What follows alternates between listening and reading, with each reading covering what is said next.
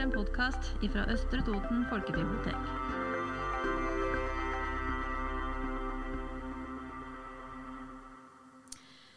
Velkommen til podkast fra Østre Toten, ja. Eh, vi i studio i dag, det er Toril, og så er det meg, Hanne. Og vi skal prate litt om eh, bøker vi har lest. Eh, denne podkasten den kommer i tillegg til den fysiske litterære stunda som vi har hatt allerede. Og i dag så har vi med oss to bøker hver som vi skal prate om. Og kanskje du, Toril, har lyst til å begynne?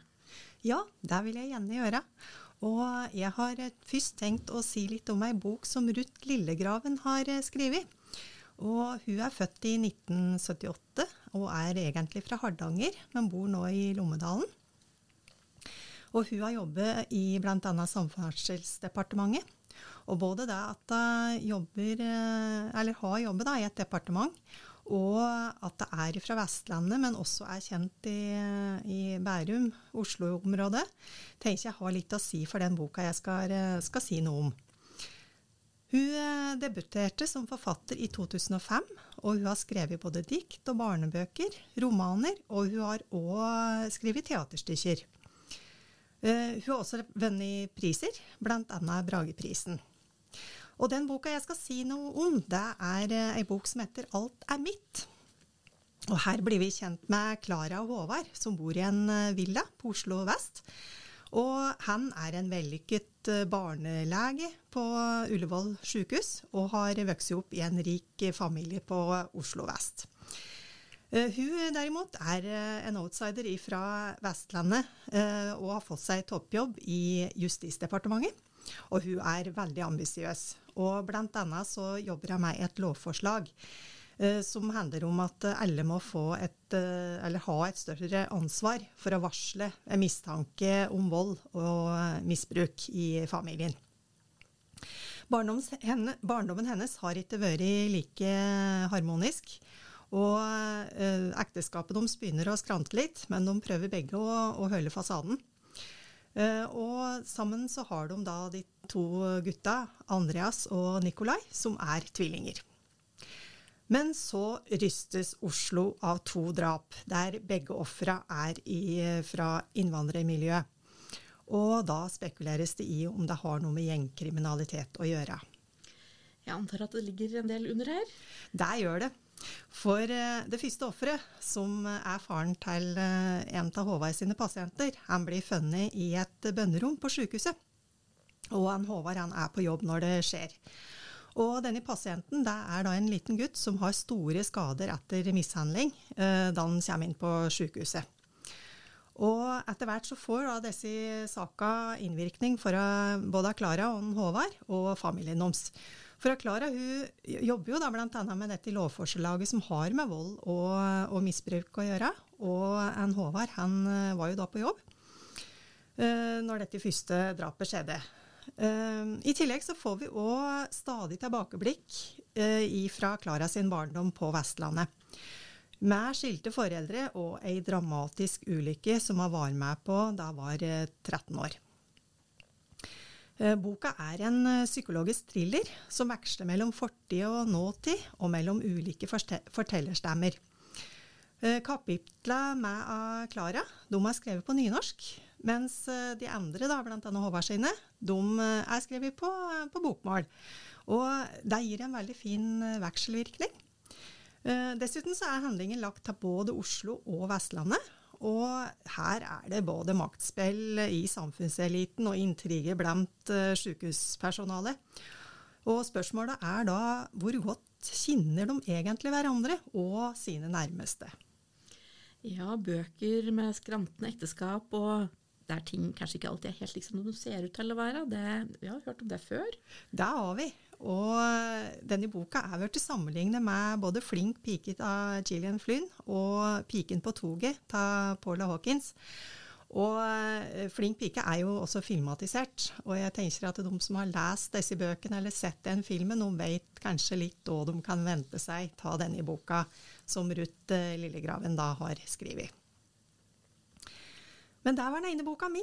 Men uh, mm. nå lurer jeg litt på hva slags forfatter du skal uh, prate om, uh, Hanne? Jo, jeg har tatt med meg ei bok av Jenny Erpenbeck. Eh, Jenny Erpenbeck hun eh, ble født i Øst-Berlin i 1967. Og hun blir omtalt som en av Tysklands fremste forfattere for tida, og nevnes av og til som kandidat til Nobelprisen i litteratur. Erpenbeck skriver den eh, europeiske historia på nytt. Hun gir stemme til de som ikke har blitt hørt før, og bruker romanen som, eh, til å utforske temaer om, ja, om tid og om minne. Og den boka jeg har med den heter 'Hjemsøkelse'. Og um, vi havner da midt uh, i Tyskland på 1930-tallet. Ved bredden av innsjø utafor Berlin uh, bygger en arkitekt et sommerhus til sin unge kone. Og han er nøye med alle detaljer. Glassvinduene skal være fargede, og ute på balkongrekkverket så er det en smidd jernfugl. Og eh, innafor kleskottet på soverommet, der er det en skjult dør som leder inn til et hemmelig rom. Rundt huset så blir det anlagt en frodig hage for uh, hvile og uh, ferie. Og dette huset det kommer til å bli stående gjennom de um, kommende tiåra og bli vitne til hvordan Tysklands historie påvirker livet til de ulike eierne. I en periode eh, forsvinner de jødiske naboene én etter én. I en annen periode må en tidligere nazist flykte. Nye eiere kommer stadig til, men sommerhuset det står støtt gjennom alle disse omveltningene. Og alt fra holocaust til murens fall spøker i bakgrunnen. Eh, hjemsøkelse er en fortett og fascinerende fortelling om Tysklands nye historie, men fortalt gjennom disse menneskene som bor i dette huset, gjennom gjenstandene og gjennom landskapene rundt. Og Erpenbeck hun skriver innsiktsfullt om hvordan det er å være menneske i slike skiftende regimer. Det er det som er vår sannhet. Eh, det var noe som var sant i går, det er kanskje ikke sant i dag. Romanen den er bygd opp som en lag-på-lag-historie. Og det betyr at for hver historie og hvert liv som passerer gjennom huset, så blir det neste kapittel enda litt mer komplekst.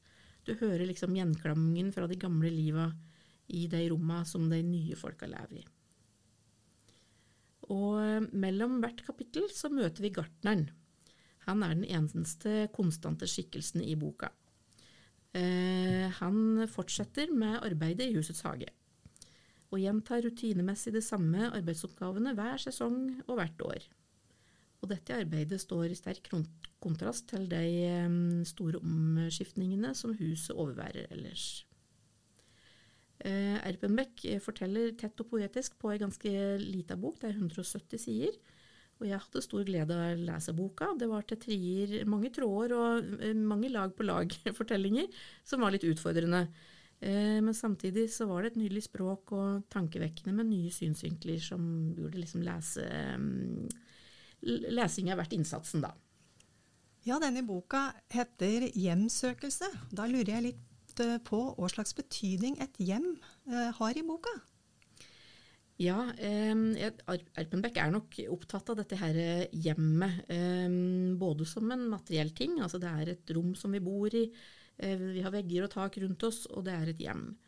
Men like mye hjem som et abstrakt begrep. Eh, det kan være alt fra kulturelle forestillinger og minner vi har, tradisjoner vi har, eh, eller mer sånne sanseopplevelser som lukter og smaker og lyder som vi forbinder med hjem. Det er jo en erfaring knyttet til et hjem. Det er, handler om tilhørighet, Trygghet, kanskje, historie og identitet.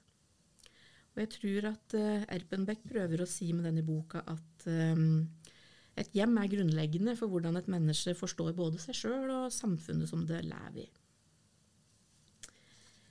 Det var uh, den første boka mi, men da kan vi gå tilbake til deg da, Toril. Du har ei bok til? Ja, jeg har ei bok til, og den er skrevet av Mats Strandberg. Han er en svensk forfatter og journalist, og han er født i 1976. Han debuterte som forfatter i 2006, og han har skrevet både barne- og ungdomsromaner, skrekkromaner, og nå jobber han med filmmanus. Han er kanskje mest kjent for Engelsfors-trilogien, som han skrev hoppes med Sara Bergmark Elfgren. Og det er en uh, litt sånn fantasyaktig trilogi, trilogi, for ungdom. Og den boka jeg skal si litt eh, om nå, den er også eh, regnes som en ungdomsbok. Men den heter 'Slutten'. Og den har jeg pratet om eh, i flere ungdomsklasser. Og da bruker jeg å, å begynne med det at tenk deg at du er 17 år gammel, og at du vet at om en måned så er vi alle borte. For denne boka begynner med at de får greie på det, at kometen Foxforth den er på full fart mot jorda, og at i løpet av noen sekunder så vil alt være over. Og hovedpersonen, det er en Simon. Uh, det er tre måneder igjen uh, når han får greie på at kometen skal treffe jorda. Og han er da på skolen når nyheten kommer. Og han har en kjæreste som heter Tilda, og så har han en god kamerat som heter Johannes.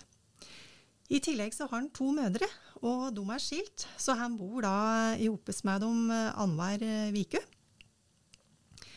Eh, vi blir òg kjent med ei jente som heter Lucinda, og hun har vært bestevenninna hennes Tilda.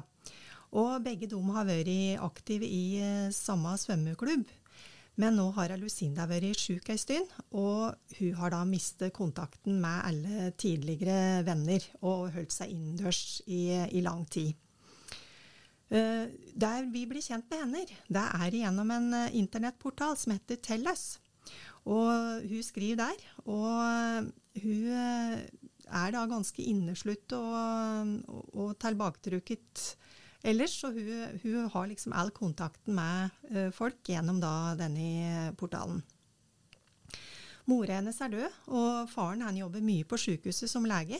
Så uh, hun tar seg òg litt av lillesøstera si, Miranda, som uh, strever på skolen.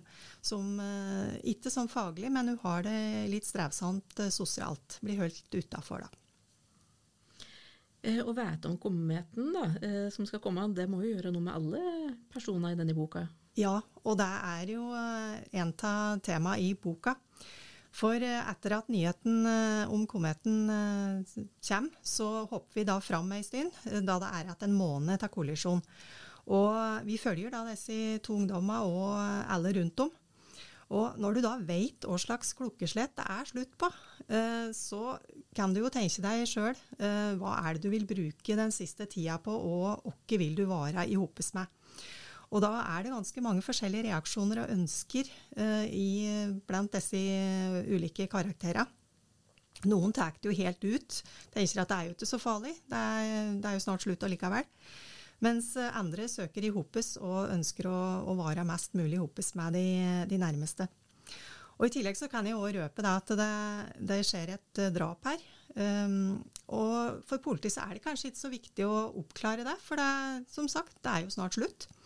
Men uh, for uh, de som står offeret nær, så vil det jo være viktig, da. Ja, Hva var det du likte best med denne boka, Toril? Ja, boka har jo et dystert tema. Men det er også en, eh, en kjærlighetsfortelling. Og eh, i tillegg så er det denne drapssaken som fører Lucinda og Simon sammen. Eh, men det som kanskje jeg syns er aller finest, eller det som er mest tankevekkende ved denne boka, da, det er at den, den, trekker jo fram dette med menneskets plass i verden, og, og vi gjør med, med kloden vår. Så i det hele tatt så er det en fin og tankevekkende bok med mange temaer som jeg tenker kan være en veldig fin eh, å bruke f.eks. i en lesesirkel. Ikke bare for ungdom, men for oss som er eh, godt voksne. Eh, så ja, i det hele tatt ei veldig, veldig fin og spennende bok som jeg absolutt anbefaler. Høres lesverdig ut. Det er den. Mm. Ja, da var det min tur igjen. Um, og da kan jeg jo, Nå skal vi snakke litt om barndom og minner. Um, har du noen gang opplevd at uh, du husker noe fra barndommen uh, Nei, andre husker noe fra barndommen din som ikke du husker sjøl. Ja, det kan jeg nok si at jeg har opplevd, ja. Mm. ja. Ja, jeg òg har liksom, har det sånn, og, og kanskje at um, noen fra meg og min familie vi har liksom opplevd den samme tingen, men når vi nå skal fortelle om det når vi er blitt voksne, så har vi to helt forskjellige historier å fortelle. da.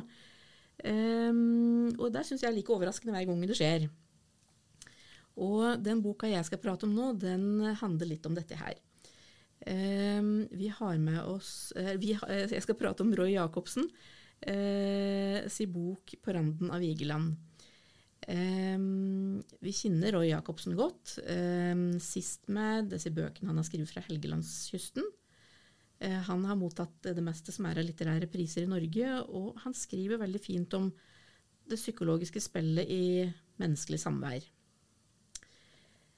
Boka 'På randen av Vigeland' den har vi satt på hylla som en roman, men den ble opprinnelig utgitt som en del av en essaysamling om offentlig kunst i Oslo. Og når jeg leser denne lille boka, den er ikke så lang, den er på 60 sider, så tenker jeg at den er ganske sjølbiografisk. Ja, Hva slags bok er dette egentlig? Jo, eh, dette er et portrett av moren til Roy Jacobsen. Et portrett som tegnes opp på en kortfattet og samtidig ganske sånn elegant måte. Jeg syns at dette er Roy Jacobsen på sitt, uh, sitt beste. Um, for å begynne så kan vi prate litt om forsidebildet på boka. Uh, for alle bildene i boka er tatt av forfatter og fotograf Jon Erik Riley. Um, vi er i Vigelandsparken, og der står jo Sinnataggen. Og vi kjenner han, og alle som besøker parken, besøker Sinnataggen. Og alle turistene tar liksom selfier med han. Men på den samme broa, Livets bro, rett overfor Sinnataggen, der står det ei lita jente som heter Melankolien. Hun har et helt annet uttrykk enn det Sinnataggen har. Og hun får etter hvert stor betydning for Jacobsen. Eh, Vigelandsparken den endrer seg for Jacobsen i voksen alder. Parken går fra å være helt ubetydelig til å bli et symbol på noe han, han ikke husker fra sin eh, barndom. Og så har jeg ikke lyst til å ødelegge leseopplevelsen for dekk da, ved å fortelle for mye. Um, um, og hvis jeg hadde kunnet, så ville jeg lest litt fra boka nå, men uh, situasjonen uh, i begynnelsen av boka er det at uh, en stund etter at moren til Jacobsen har gått bort, så spør plutselig faren litt ut av det blå om ikke Roy syns at moren gikk veldig ofte til tannlegen. Altså hver uke. Og det er her vi kommer inn på Vigelandsparken igjen. Eh, når Jacobsen begynner å nøste i minner fra sin barndom, så husker, husker han det, at hver uke så tok faren med seg Roy og søsteren hans til den lekeplassen som ligger rett innafor porten til Vigelandsparken. Og der lekte ungen i en liten time, mens mor var hos tannlegen. Og etter farens plutselige spørsmål så må Roy tenke seg om og innrømme at det var noe unormalt hyppige tannlegebesøk på mora i mange år. Og først nå da, så innser han at dette må ha vært noe annet, og faren han er klar til å fortelle ei anna historie om mora. Anna historie enn den som han og søsteren har vokst opp med. Så da vil jeg egentlig bare anbefale denne boka på det varmeste. En, det er en fortelling fra Røys barndom om mora, og om hvordan en familiehemmelighet kommer fram og setter mye i et helt annet lys. Inkludert en hel skulpturpark. Ja, det var vel det vi hadde ja. av bøker i dag. Men vi får kanskje nevne på at vi skal ha en festival om litt uti i oktober. Da er det Toten litteraturfestival. Og eh, skal vi si litt om programmet, kanskje? Ja, jeg tenker at vi må jo reklamere litt for eh, litteraturfestivalen vår. Ja. tirsdag tirsdag 19. oktober, da kommer Maja Lunde. Og det er jo et stort navn, så det gleder vi oss veldig til. Hun skal um, bokbades uh, av Linn T. Sunde. Og det tror vi blir en veldig fin, uh, fin kveld. Vi vet at mange har lest disse bøkene til Maja Lunde. Både voksenbøker og barnebøker. Dagen etterpå, den 20. oktober, da er det Da er det lansering av Mjøsmuseet sin årbok. Det vil si, det blir vel ikke helt uh, lansering, for boka er visstnok ikke riktig ferdig til den datoen. Men uh, uansett så blir det nok en del prat om uh, innholdet i den boka. Vi får nok høre noen gode smakebiter, tenker jeg. Det gjør vi. Mm. Og så kommer fredagen den 22. oktober. Da skal Ingvild Solberg bokbades av meg. Ingvild kom med en aldeles nydelig diktsamling tidligere i år, og den gleder jeg meg til å prate med Ingvild om. Eh, og kvelden avslutter vi rett og slett med å ha åpen mikrofon etterpå. Så da er det sånn at hvis du som sitter og hører på, har noen tekster liggende i skrivebordsskuffa, og har lyst til å prøve å lese dem høyt for andre, så er dette en mulighet til å gjøre det. Vi har gjort dette noen ganger før, og det bruker å bli veldig koselige kvelder, altså. Ønsker alle velkommen til alle arrangementer. Og med det så takker vi vel for oss i dag, Toril. Ja, det gjør vi. Og vi håper at eh, du fikk lyst til å lese noen av disse bøkene. Det gjør vi. Ha det bra. Ha det bra!